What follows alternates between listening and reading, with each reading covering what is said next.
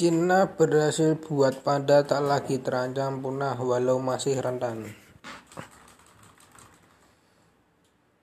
Panda raksasa tak lagi masuk kategori hewan yang terancam punah, tapi status mereka masih rentan.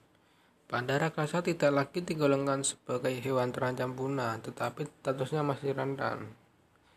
Penggolongan panda dalam daftar hewan terancam punah diturunkan karena jumlah panda di alam liar lebih mencapai telah mencapai 108, eh, 1800 ekor. Para ahli mengatakan bahwa negara itu berhasil menyelamatkan hewan ikoniknya melalui upaya konservasi jangka panjangnya, termasuk perluasan habitat. Alasan mengapa Cina meminjamkan panda ke kebun binatang di seluruh dunia Panda Hucun dan Cai Tao tiba di Taman Safari Indonesia.